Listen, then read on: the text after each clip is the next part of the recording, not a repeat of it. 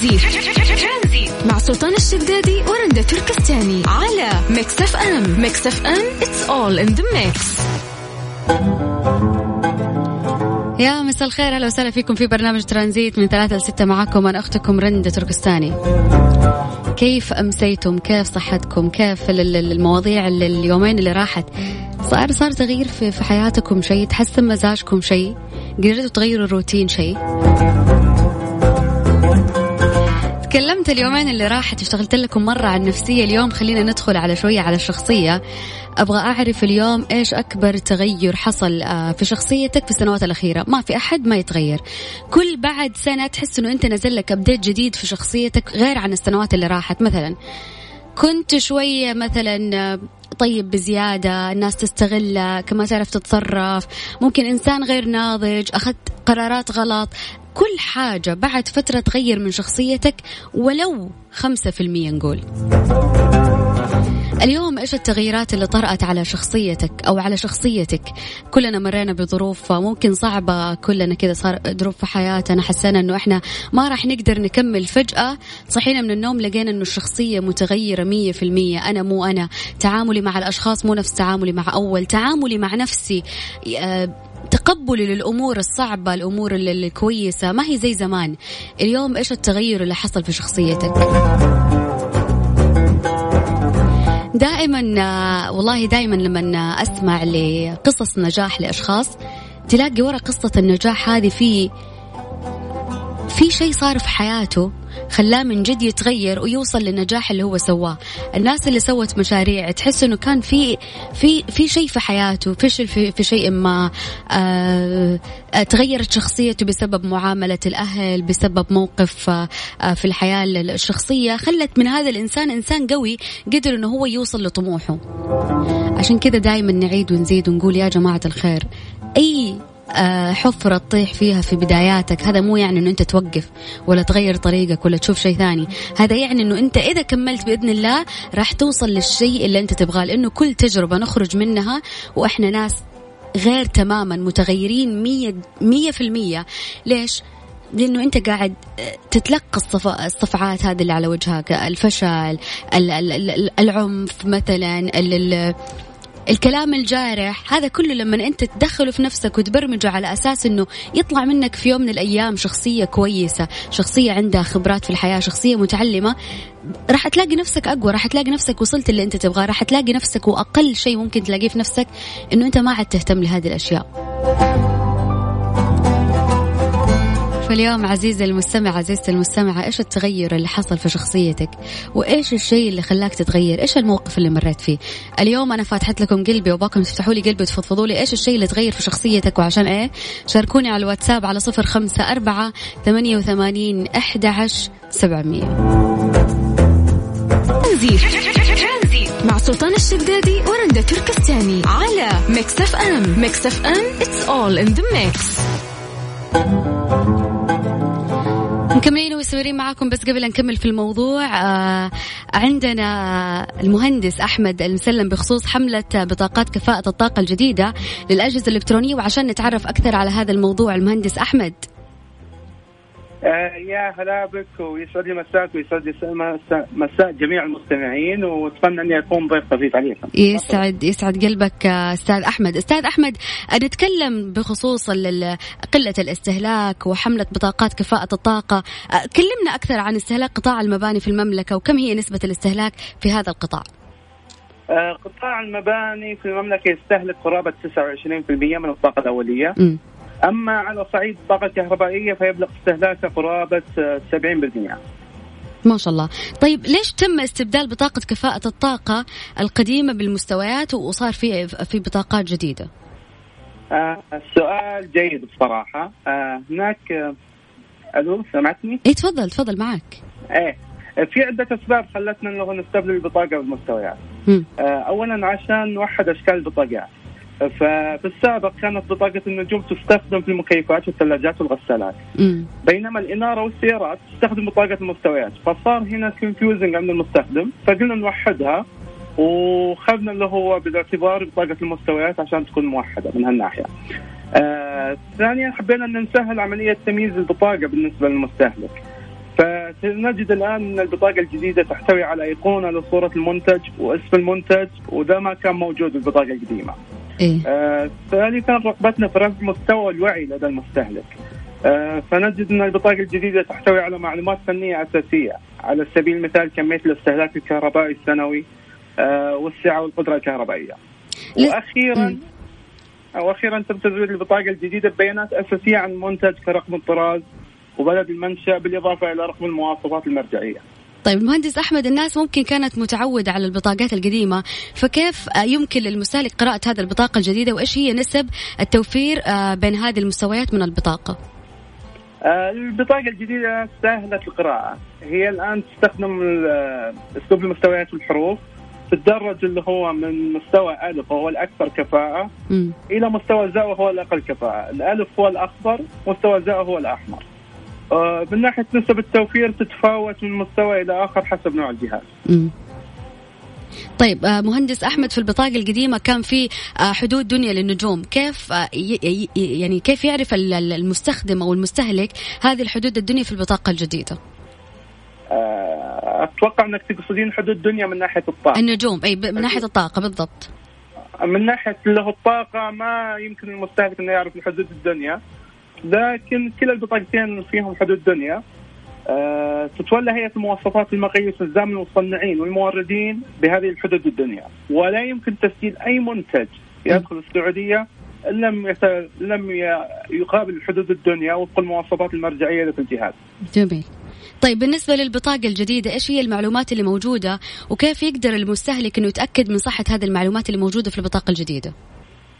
آه كما ذكرت لك سابقا يوجد في البطاقة معلومات فنية مهمة عن الجهاز. على سبيل المثال مقدار الاستهلاك السنوي للجهاز سعة الجهاز القدرة الكهربائية كمية استهلاك المياه إلى آخره من المعلومات الفنية أما من ناحية سؤالك كيف يمكن التحقق من صحة كل هذه المعلومات؟ أكيد. ففي تطبيق اسمه تطبيق تأكد آه برعاية هيئة المواصفات المقاييس.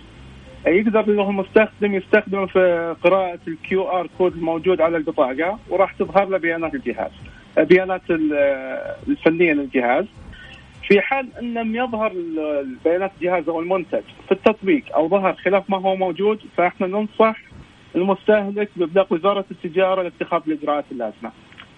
جميل. طب المهندس أحمد أعطينا كذا أخيرا نصيحة للناس عشان تقلل من استهلاكها وقد إيش أهمية هذه البطاقة في ترشيد استهلاك الكهرباء؟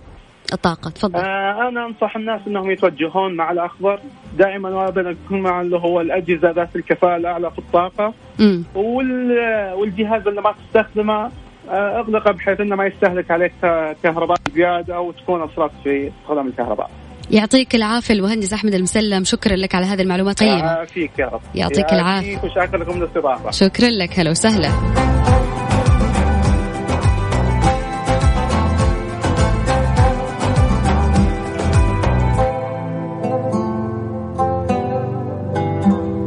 للناس اللي اشتكوا من آه، فواتير الكثيرة والدنيا هذه آه، بطاقات الطاقة طبعا سهل لكم الموضوع إنه كيف تشوفوا الاستهلاك القليل للطاقة. طبعا قال المهندس أحمد المسلم إنه طالع دائما في البطاقة الخضراء. هي الأقل استهلاكا للطاقة. طيب راح نكمل في موضوعنا إيش التغيير اللي حصل في شخصيتك في السنوات الأخيرة. وممكن في موقف مريت فيه غيرك من إنسان لإنسان آخر. راسلنا على الواتساب على صفر خمسة أربعة ثمانية وثمانين أحد عشر سبعمية. مع سلطان الشدادي ورندا تركستاني على Mix FM. Mix FM it's all in the mix. أشكر كل الأشخاص اللي يقول آه، نطنش و... و... وما نتجادل وخلاص ونكبر دماغنا. مية في المية. ولكن كل شخص في حياته مر بأزمة مر بشيء قواه غير من شخصيته. هذا اليوم اللي أنا بعرفه.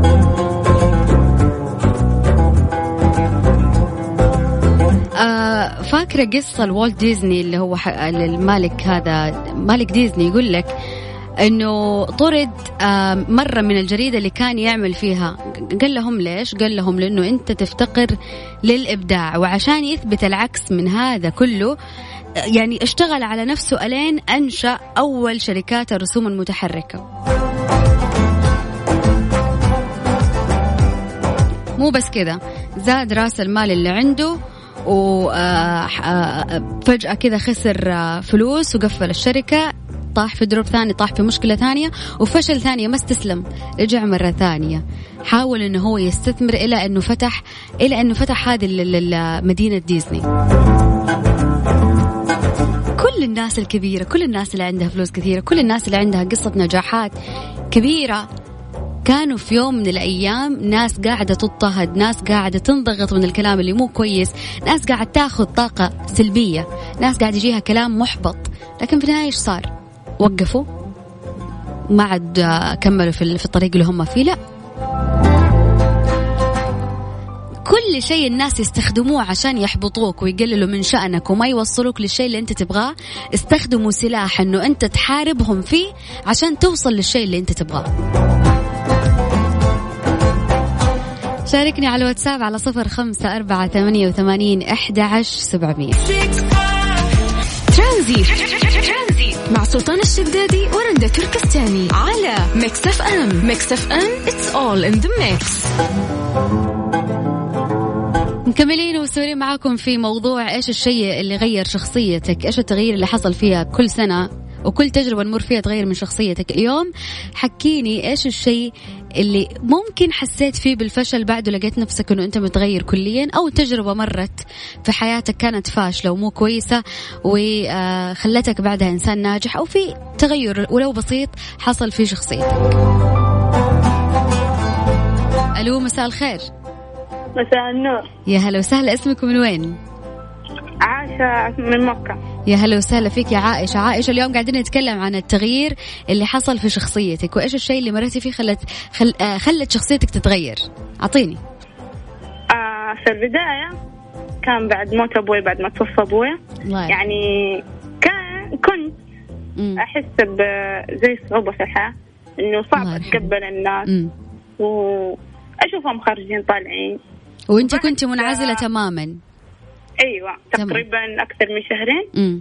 بعدها خلاص يوم بعد ما طلعت للناس كنت أقول مين يعني مين هذه اللي كانت تسوي كل هذه الأشياء؟ إنه يعني تقريبا شهرين ما أعرف الناس إيش قاعدة تسوي. فبعدها حسيت بنجاحها في حياتي بعد ما طلعت من دائرة الكآبة هذه. فتغيرت حياتي مرة كثير. الله يوفقك يا عائشة. الشيء الحلو إنه أنت ما استسلمتي. الشيء الحلو إن أنت ما استمريتي كذا عشان لا قدر الله لا تمرضي لا تخشي في مرحلة اكتئاب وتصيري منعزلة تماما عن الناس كويس إنه أنت قدرتي تعدي آه، أي مرحلة مرت في حياتك صعبة أيوه الحمد لله ونصيحتي لأي شخص مم. مثلا نفقد شخص غالي عليه مم. لا توقف ترى ما انت أول شخص تفقد أو ثاني شخص كلنا ماشيين في نفس الطريق عيش. فعلا عيش يعني مثلا يجيك يوم يروح أقرب الناس لك مم. عيش حياتك عشان زي ما أنت فقدت ناس حتى أنت في ناس حيفقدونك فعيش حياتك. فعلا الله يوفقك يا عائشة والله يريح قلبك وبالك يا رب. آمين. كلنا فقدنا كلنا مرينا بتجربة ممكن كانت مؤلمة نوعا ما غيرت في شخصيتنا. اليوم كيف تغيرت شخصيتك؟ على الواتساب على صفر خمسة أربعة ثمانية وثمانين أحد عشر سبعمية.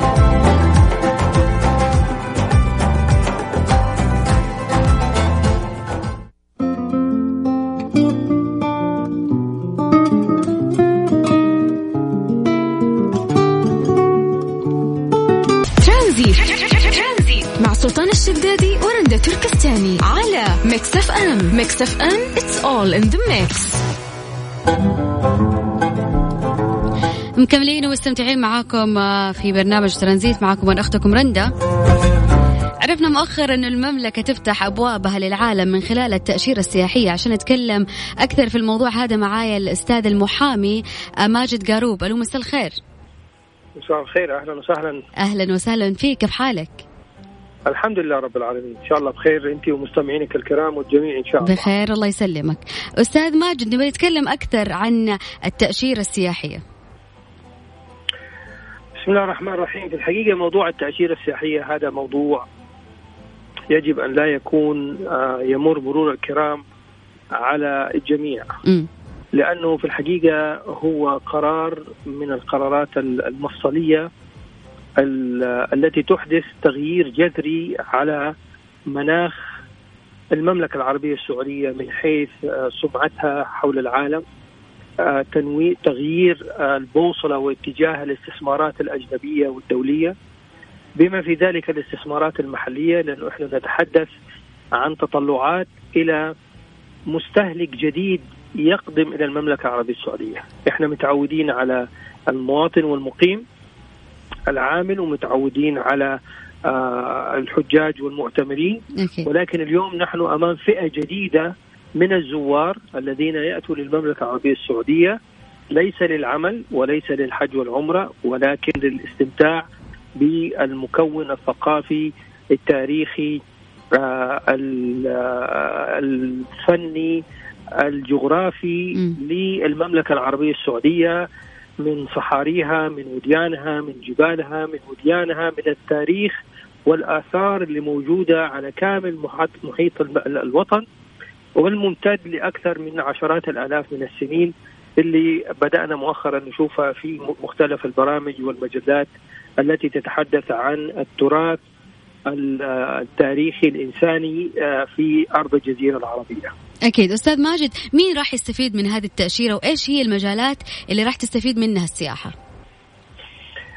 اللي حيستفيدوا آه، إحنا كوطن وكدولة واقتصاد وفرص عمل وفرص استثمار واستثمار محلي واستثمارات دولية حتيجي بناء مزيد من الفنادق والمنتجعات السياحية. آه، تحويل السياحة من سياحة داخلية وطنية إلى صناعة متكاملة بكل عناصرها تطوير للاستثمارات تطوير في الإدارة تطوير في تحسين جودة الخدمات فالاستفادة في الحقيقة على كل الزوايا والمنحيات الموجودة في الحياة الاجتماعية والثقافية والاقتصادية.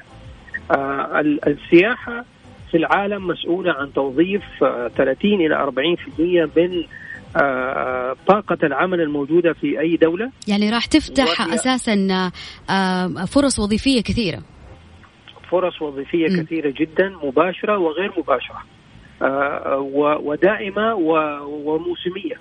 لأنه الحياة أو صناعة السياحة في الحقيقة متجددة متغيرة دائمة ومتنوعة وبالتالي جميع أنواع الفرص الوظيفية ستكون متاحة آه، وموجودة بما فيها العمل عن بعد في مسائل التسويق والأمور هذه كلها بالإضافة إلى خلق أنواع جديدة من الأعمال.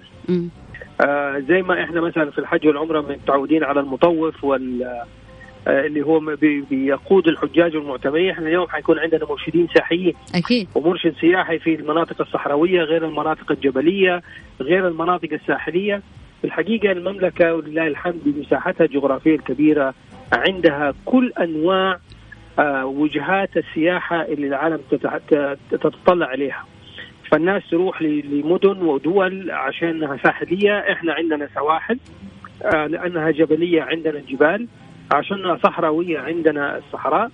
وحتى السياحة الخضراء التي اللي هي صديقة للبيئة في المنتجعات في الغابات اللي موجودة في مناطق السوداء وأبها ونجران وجيزان وهذه المناطق والباحة اللي فيها كمية من الزراعة والتشجير وتعتبر من جنات الله في الأرض التي يكون فيها هناك السياحة العائلية فعلا إحنا عندنا كل مقومات السياحة ما شاء الله في السعودية.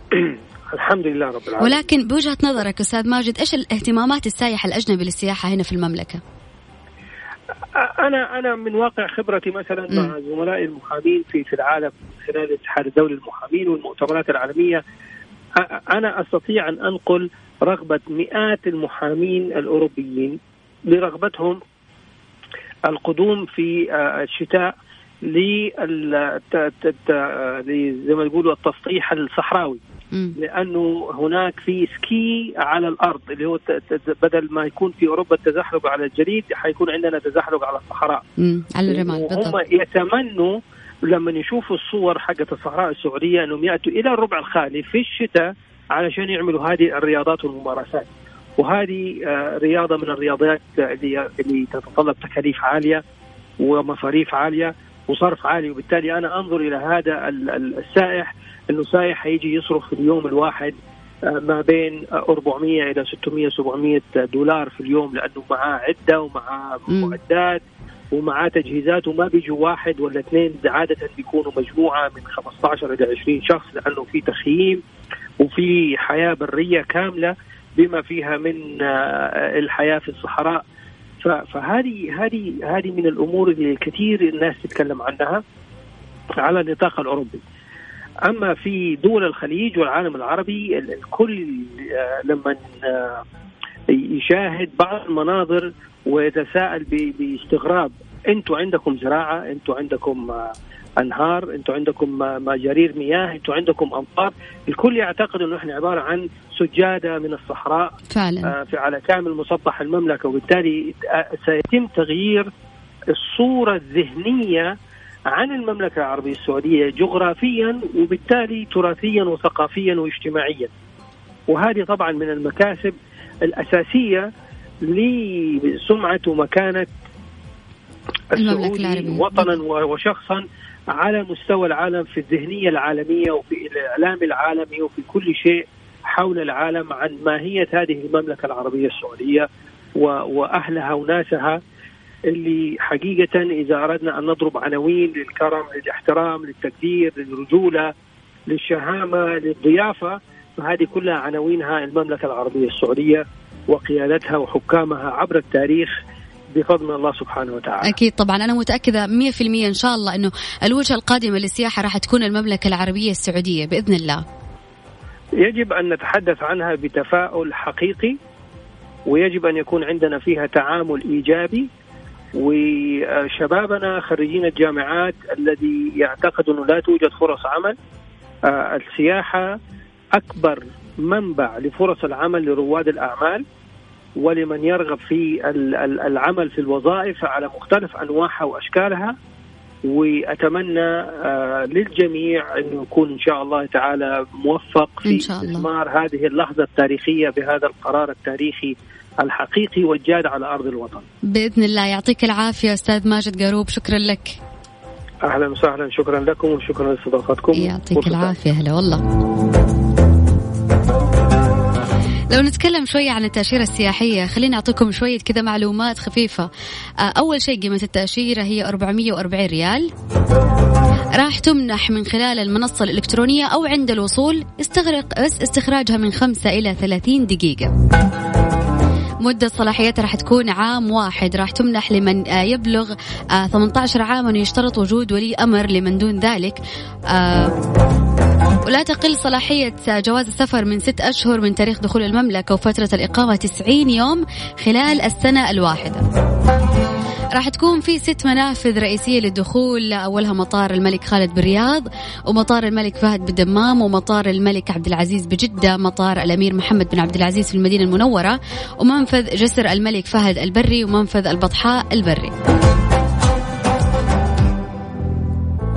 سنوات مقبلة مشرقة بإذن الله على المملكة العربية السعودية. شاركوني على صفر خمسة أربعة ثمانية وثمانين أحد عشر سبعمية.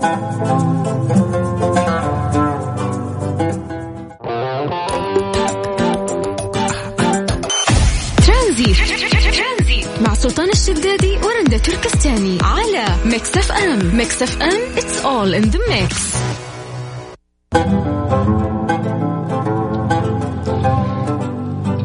مكملين ومستمرين معاكم في برنامج ترانزيت زي ما عودناكم كل ثلاثاء معانا مستر موبل عبد المجيد عزوز مساء الخير. دقائق كذا تمام.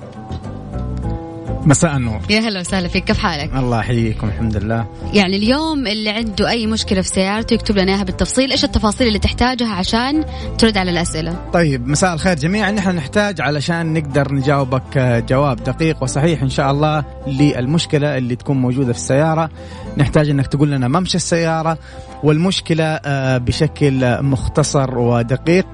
وإذا أنت محافظ على الصيانات الدورية أو لا؟ كيف تشاركنا وترسل لنا سؤالك على الواتساب على صفر خمسة أربعة ثمانية وثمانين إحدى عشر سبعمية. أي مشكلة في سيارتك اليوم عندنا؟ مستر موبيل راح يعطيك حلول إن شاء الله. ترانزيت مع سلطان الشدادي ورندا تركستاني على Mix FM. Mix FM it's all in the mix. طيب بس قبل لا نبدأ في الأسئلة آه مستر موبل حاب يعطيكم الأخطاء الشائعة اللي دائما تصير. عشان إذا لقيت إنه في إجابة من ضمن هذه المعلومات في في الخراب اللي عندك يصير بلاش إيش؟ تسألنا تمام؟ يا سلام. يلا. طيب يا جماعة الخير مساء الخير جميعا مرة أخرى. آه طبعا في بعض المشاكل اللي آه سهل حلها ويمديك أنت بنفسك تحل المشكلة آه، بدون ما ترجع لفني أو متخصص أو إنك تسأل عن المشكلة هذه. يعني واحدة من المشاكل المعروفة إنه في ناس ما يعرف قد إيش يوزن الهواء حق الكفرات في السيارة. فيضطر يروح عند الفني الأول واحد يزود له أكثر واحد يزود له أقل طبعا آه الهواء حق الكفرات له آه أسباب يعني له مشاكل ممكن يسويها. يعني تخيل أنت لو إنك آه وازن هواء الكفرات آه أقل من الحد المطلوب حيصير الكفر ما في هواء كفاية طبعا. بالتالي حتكون آه مقاومة السيارة إنها تمشي أكبر. فبالتالي تخيل إنك أنت راح تصرف بنزين أكثر. فحفاظك على ضغط هواء الكفرات يساعد أيضا في اقتصاد البنزين. طيب عندنا أسئلة كثيرة جات. ممكن نسأل ولا تكمل؟ طيب خلينا بس نكمل المعلومة هذه. فين أنا ممكن أحصل القراية حق ضغط الكفرات أنت لو فكيت باب السيارة حق السائق حتحصل ستيكر موجود آه، مكتوب فيه الضغط المناسب للكفرات آه، الأمامية والكفرات الخلفية كمان.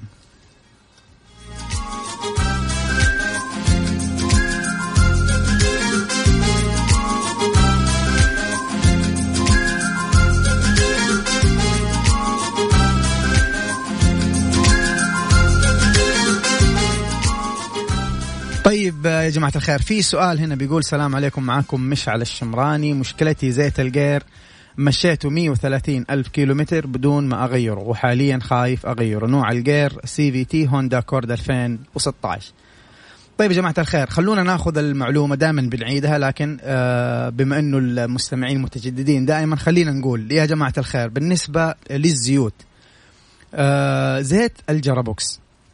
طبعا زيت ال gearbox زي ما قلنا يا جماعة الخير ال gearbox أصلا أنواع. في gearbox عادي وفي أوتوماتيك وفي gearbox يكون CVT اللي هو continuous variable transmission ال CVT بالذات بما إنه السؤال عن ال CVT ال CVT هذه واحدة من ال gear اللي لها نوع خاص لزيت ال gearbox ما ينفع ابدا إنك أنت تغير أي نوع ثاني. في حال إنك أنت لو غيرت نوع ثاني من أنواع الزيوت وحطيته في gearbox CVT حتسبب مشاكل وأعطال كثيرة في ال CVT طيب هنا سؤال الأستاذ آه، مشعل بيقول أنا ما غيرت ماشي 130 ألف.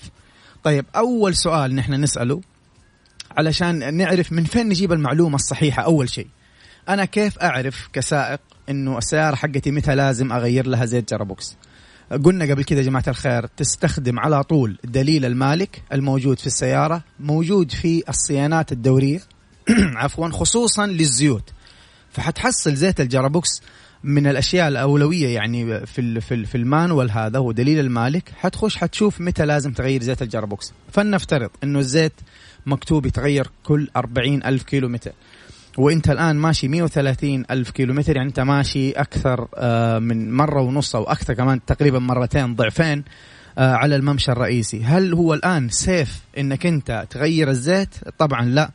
آه، ممكن إذا غيرت الزيت يسبب لك مشاكل للأسف.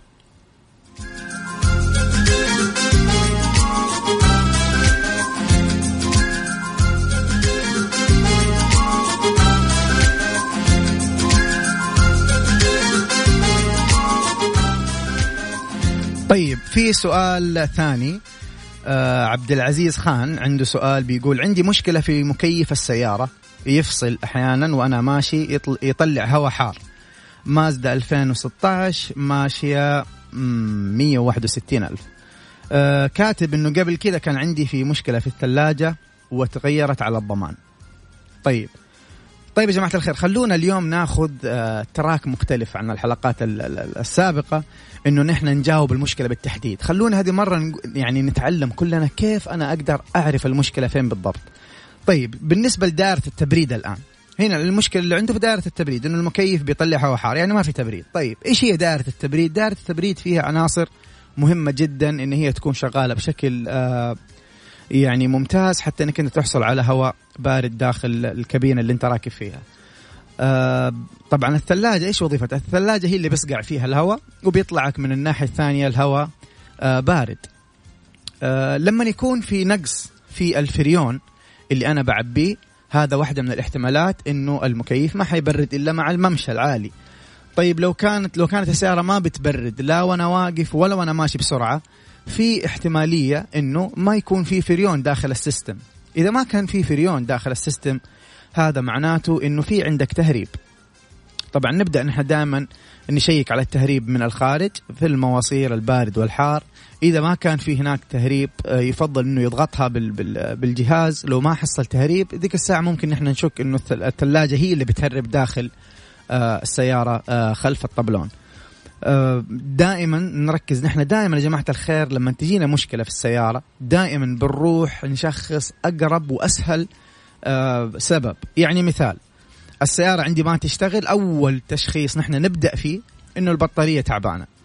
فنفس الفكرة هنا على السؤال هذا إنه المكيف بيطلع هواء حار؟ يمكن ما يكون فيه فريون. فأنت أول خطوة تسويها آه، عبد العزيز خان إنك ت check على الفريون انه هل في فريون كافي أول شيء ولا لا؟ إذا كان في أنت عبيت فريون وهرب الآن ما عاد في فريون في ال system تبحث عن المكان اللي بيهرب منه وتعالج التهريب وتعبي فريون من جديد وإن شاء الله بإذن الله أمورك آه، في السليم. ذكركم مرة ثانية بالرقم اللي ترسلوا عليه أسئلتكم على الواتساب على صفر خمسة أربعة ثمانية ثمانية واحد واحد سبعة صفرين.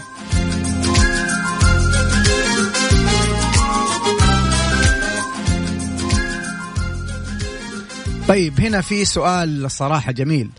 آه عمر أبو يوسف بيقول السلام عليكم عندي سيارة أكسنت 2016 ماشية 131 آه، ألف كيلو. من أول ما اشتريت السيارة وأنا مواظب على الصيانة الدورية.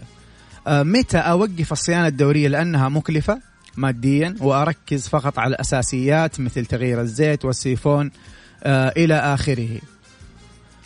آه طبعا يا جماعة الخير آه أول شيء نحن علشان آه تزود العمر الافتراضي حق السيارة لازم أنت تحافظ على الصيانة الدورية.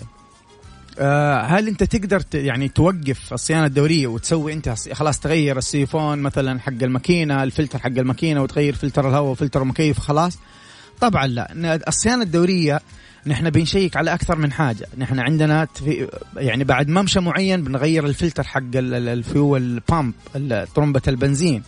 آه بنغير طبعا عند ممشى معين برضو يختلف من سيارة لسيارة على فلتر الهواء وفلتر المكيف. آه البواجي بتتغير عند ممشى معين. آه تنظيف البخاخات أيضا نسويها. غسيل الماكينة أحيانا بنسويه. بنشيك على السيارة من الأسفل الجلود المساعدات المقصات الكفرات. آه ترى حتى في الصيانة الدورية مطلوب من الشخص اللي يسوي لك آه صيانة دورية حتى البيبان وال وال والكبوت يشحمها بالشحم عشان آه برضو نزيد من العمر الافتراضي. فما أقدر أقول لك لا تسوي الصيانة بالعكس أنا لازم أنصحك وأقول لك آه واظب على الصيانة الدورية آه هي واحدة من الأسباب الرئيسية اللي يعني تمدد آه عمر السيارة الافتراضي.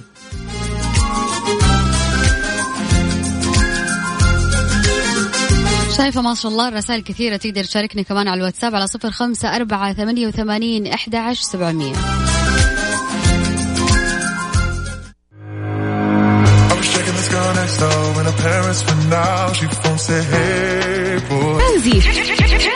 مع سلطان الشدادي ورندا تركستاني على ميكس اف ام. ميكس اف ام it's all in the mix.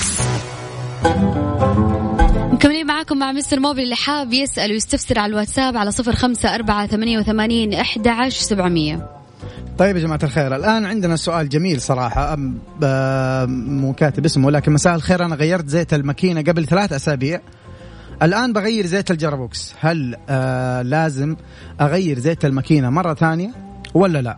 كمان زيت الدركسون ما غيرته مع إن السيارة ماشية 92 ألف تويوتا كوريلا 2016 طيب يا جماعة الخير آه خلونا نمسكها واحدة واحدة. الجزء الأول من السؤال إنه هو غير زيت الماكينة قبل ثلاث أسابيع. طيب نحن أصلا متى بنغير زيت الماكينة؟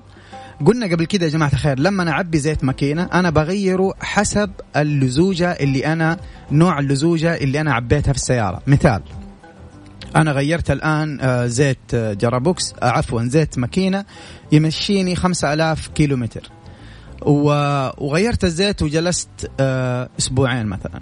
هل لازم أغيره مرة ثانية عشان حغير مثلا زيت ال gearbox لا طبعا. أنا حنتظر إلين أكمل الممشى حق الزيت اللي أنا عبيته 5000 ديك الساعة أنا مطلوب مني إني أغير زيت ال gearbox حتى لو ك... عفوا زيت الماكينة. حتى لو كنت قبل قبل ال 5000 4500 ولا 4 يعني 5000 إلا برضو آه، ينصح فيه أفضل. لو انت عبيت آه، زيت ماكينة يمشيك 10000 كيلومتر ففي هذه الحالة أيضا حتنتظر 10000 كيلومتر عشان تغير زيت الماكينة مرة ثانية. طبعا ما في ارتباط ما بين زيت الماكينة وزيت الجرابوكس بحيث إنك أنت لو غيرت زيت الماكينة لابد تغير زيت ال gearbox كل واحدة لها ممشى معين. آه، نحن نتبع الممشى المطلوب لكل نوع زيت أنا بعبيه في السيارة.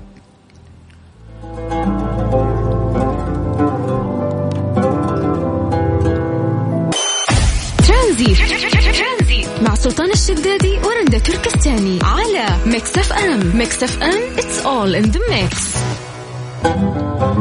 مكملين معاكم مع مستر موبل الأسئلة على الواتساب على صفر خمسة أربعة ثمانية وثمانين أحد عشر سبعمية. طيب يا جماعة الخير في سؤال آه، يقول إنه له آه، ثلاثة أسابيع ما جاوبناه. طيب خلينا نبدأ بالسؤال هذا. بيقول إنه هو بيضيف آه، واحد من الفنيين نصحه يضيف الماء المقطر حق البطارية في الراديتر طبعا خلونا نمسكها أيضا جزئية جزئية. النقطة الأولى موية الراديتر أنواع. في الموية الخضراء وفي الحمراء وفي شركات متقدمة آه، طلعت أنواع أخرى من من من الموية حقت الراديتر يعني في واحدة من الشركات آه، بدون ذكر أسماء عندها موية آه، للراديتر مدى العمر ما تتغير ويكون لون الموية أسود. ففي الحالة هذه مثلا لو اني قاعد اعبي أنا موية سوداء في اللي هذه الشركة المتقدمة صح إنه السعر غالي لكنها ما ما تتغير ابدا فقط آه، تضيف من نفس الموية ما ينفع ابدا تضيف عليها أي نوع آخر آه، من الموية الحمراء والخضراء أو حتى موية مقطرة. لو أنت بتستخدم الأنواع العادية من مثل الموية الحمراء أو الموية الخضراء طبعا ما ينصح إنك أنت تعبي الراديتر كامل من هذه الموية المقطرة مرة ما ينفع لأنه قبل كذا شرحنا إنه الموية حقت الراديتر سواء آه، بغض النظر عن نوعها هي عبارة عن مواد كيميائية آه، فيها نسبة لزوجة وفيها boiling point عدم يعني نقطة ما يمد ما توصل الموية نقطة غليان ولا توصل إلى نقطة آه، تجمد داخل النظام حسب المكان اللي تستخدم فيه السيارة. فهي مواد كيميائية وفيها نسبة لزوجة ضرورية جدا تكون موجودة في ال system حتى إنها تسوي lubrication لل part زي ال water pump وإلى آخره من القطع اللي موجودة في آه، نظام ال cooling فهل أنا اعبيه الراديت الراديتر كامل من الموية المقطرة؟ هذه لا طبعا آه، خطأ جدا لكن هل أنت ممكن آه، تضيف شيء بسيط من الموية المقطرة ما ما حيضر كثير يعني ما حيضر السيارة. في حسب السبب يعني في ناس أو فنيين بيضيف الموية المقطرة هذه عشان يخفف من آه، حدية الموية اللي راكبة في النظام نفسه. فما في مشكلة لكن إن المشكلة تكون لو أنت عبيت الراديتر كامل من هذه الموية المقطرة.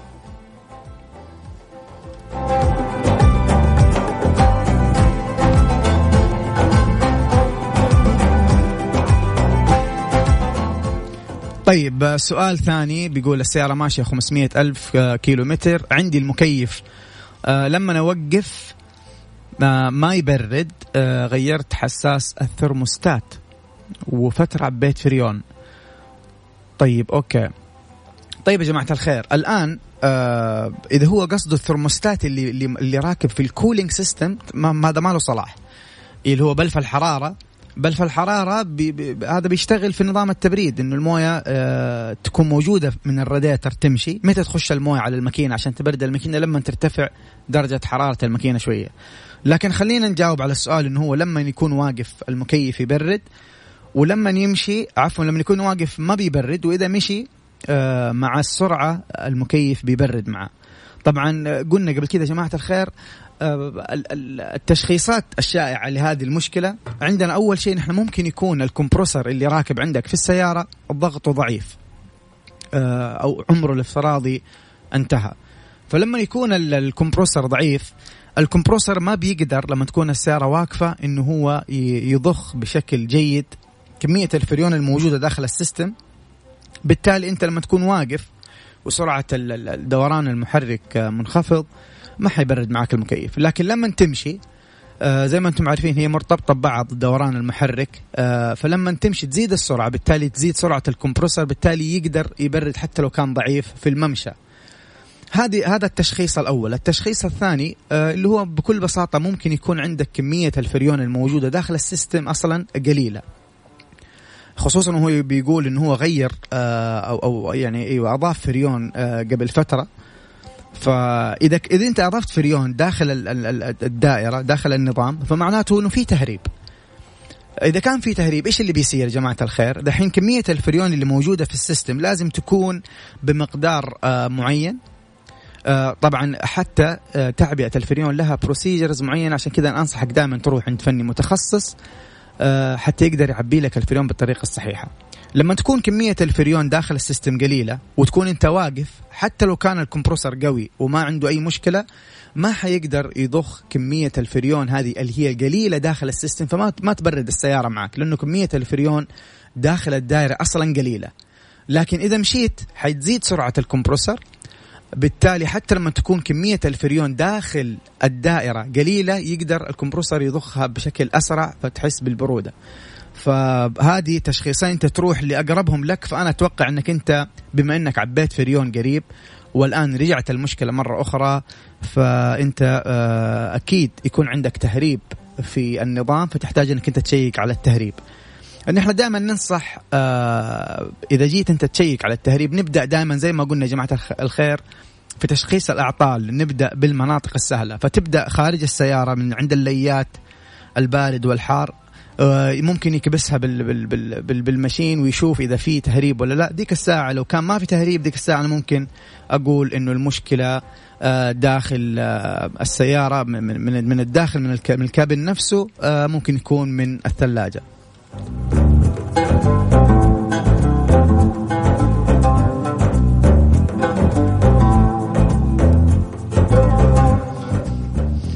طيب سؤال آخر آه، بيقول الأستاذ معتز عندي جيمس سيكون 2008 عمري ما غيرت زيت ال gearbox كيف أقدر أغير الزيت؟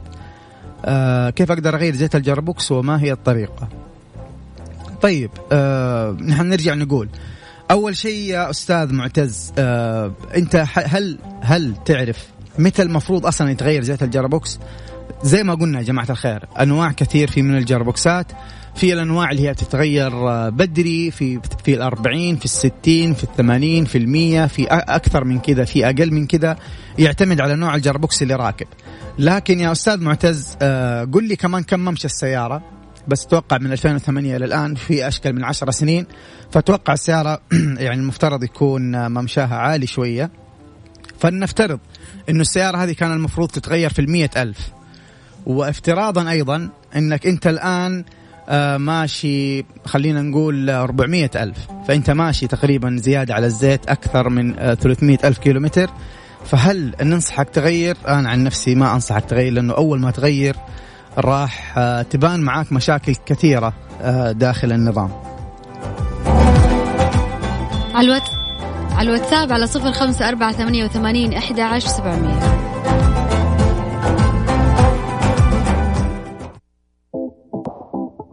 ترانزيت. مع سلطان الشدادي ورندا تركستاني على ميكس اف ام. ميكس اف ام it's all in the mix مكملين نجاوب على أسئلتكم اللي حاب يرسل آه، استفسار أو سؤال لمستر موبل على الواتساب على صفر خمسة أربعة ثمانية وثمانين أحد عشر سبعمية. طيب يا جماعة الخير آه خلينا نكمل النقطة اللي قلتها قبل شوية. إنه كثير ناس يسأل يقول لك طب يا أخي معقولة؟ أنا ما غيرت زيت الآن. آه ليش بتقول إنه لما أغير الآن آه حتصير في مشاكل؟ طبعا يا جماعة الخير قد شرحنا النقطة دي قبل كده إنه لما يكون الزيت أنت بتمشي على على, على الزيت آه، دبل المدة واحيانا ثلاث أضعاف المدة فيصير في تآكل داخل الجرابوكس بالتالي يصير الزيت مع خليط من الرماد شو اسمه هذه؟ لا إله إلا الله. الاحتكاك حق الحديد الناتج عن احتكاك الحديد.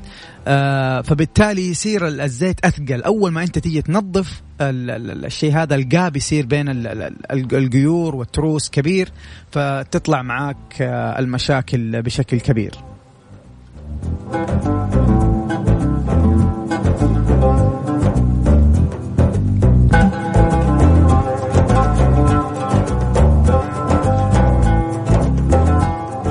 طيب في بعض الأسئلة بتقول هل آه، غسيل الماكينة آه، مضر بالسيارة؟ طبعا يا جماعة الخير آه، غسيل الماكينة واحدة من الأشياء الجميلة بتفيد السيارة ما بتضر طبعا بشرط مهم جدا إنك أنت تستخدم المادة الخاصة لهذه السيارة في غسيل المحرك وأيضا تستخدم أو الفني يستخدم الطريقة الصحيحة.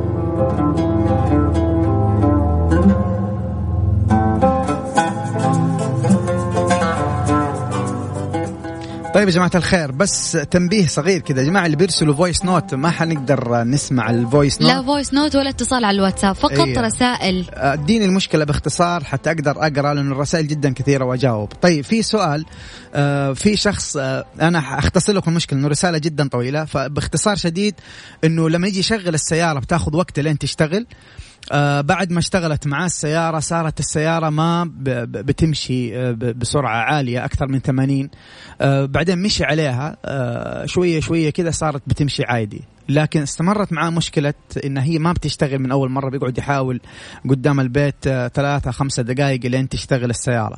طبعا مشكلة زي كذا طبعا هو راح كشف على السيارة وقالوا له غير الطرمبة حقت البنزين. طبعا ممشى السيارة آه 170 ألف كيلومتر تقريبا. طبعا خلونا بس كذا نفكر فيها بالمنطق. الآن الطرمبة آه، حقت البنزين هي اللي بتسحب البنزين من التانكي وبتضخه للماكينة عشان يوصل إلى البخاخات وديك الساعة البخاخات بتبخ الفيول هذا داخل ال combustion chamber اللي غرفة الاحتراق. فالطرمبة في ممشى 170 ألف كيلومتر آه، شوية بعيدة آه، إن هي تخرب يعني التشخيص هذا بعيد شوية. آه، زي ما نقول دائما نحن في التشخيص يا جماعة الخير دائما نبدأ بالمشكلة السهلة اللي ممكن نحلها وما تكلف كثير. دائما يهمنا ال cost اللي بيتحمله الشخص اللي يشتكي من المشكلة. فالشخص نفس الإشكال هذا أنا ما حقول له روح غير الطرمبة حقت البنزين طبعا لكن حقول له غير الفلتر اللي راكب في الطرمبة حقت البنزين لأنه الفلتر إذا كان مسدود حيعيق آه، حركة الفيول من ال tank إلى البخاخات وأكيد راح يسوي لنا نفس المشكلة اللي هو بيشتكي منها الآن.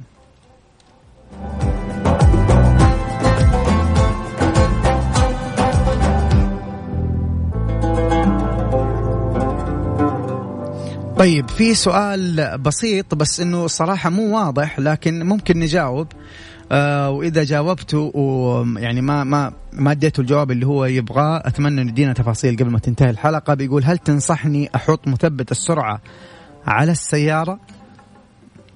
آه اذا إذا مقصدك إنه هل أنصحك تستخدم مثبت السرعة؟ مثبت السرعة ممتاز. يعني أكيد أنصحك تستخدم مثبت السرعة.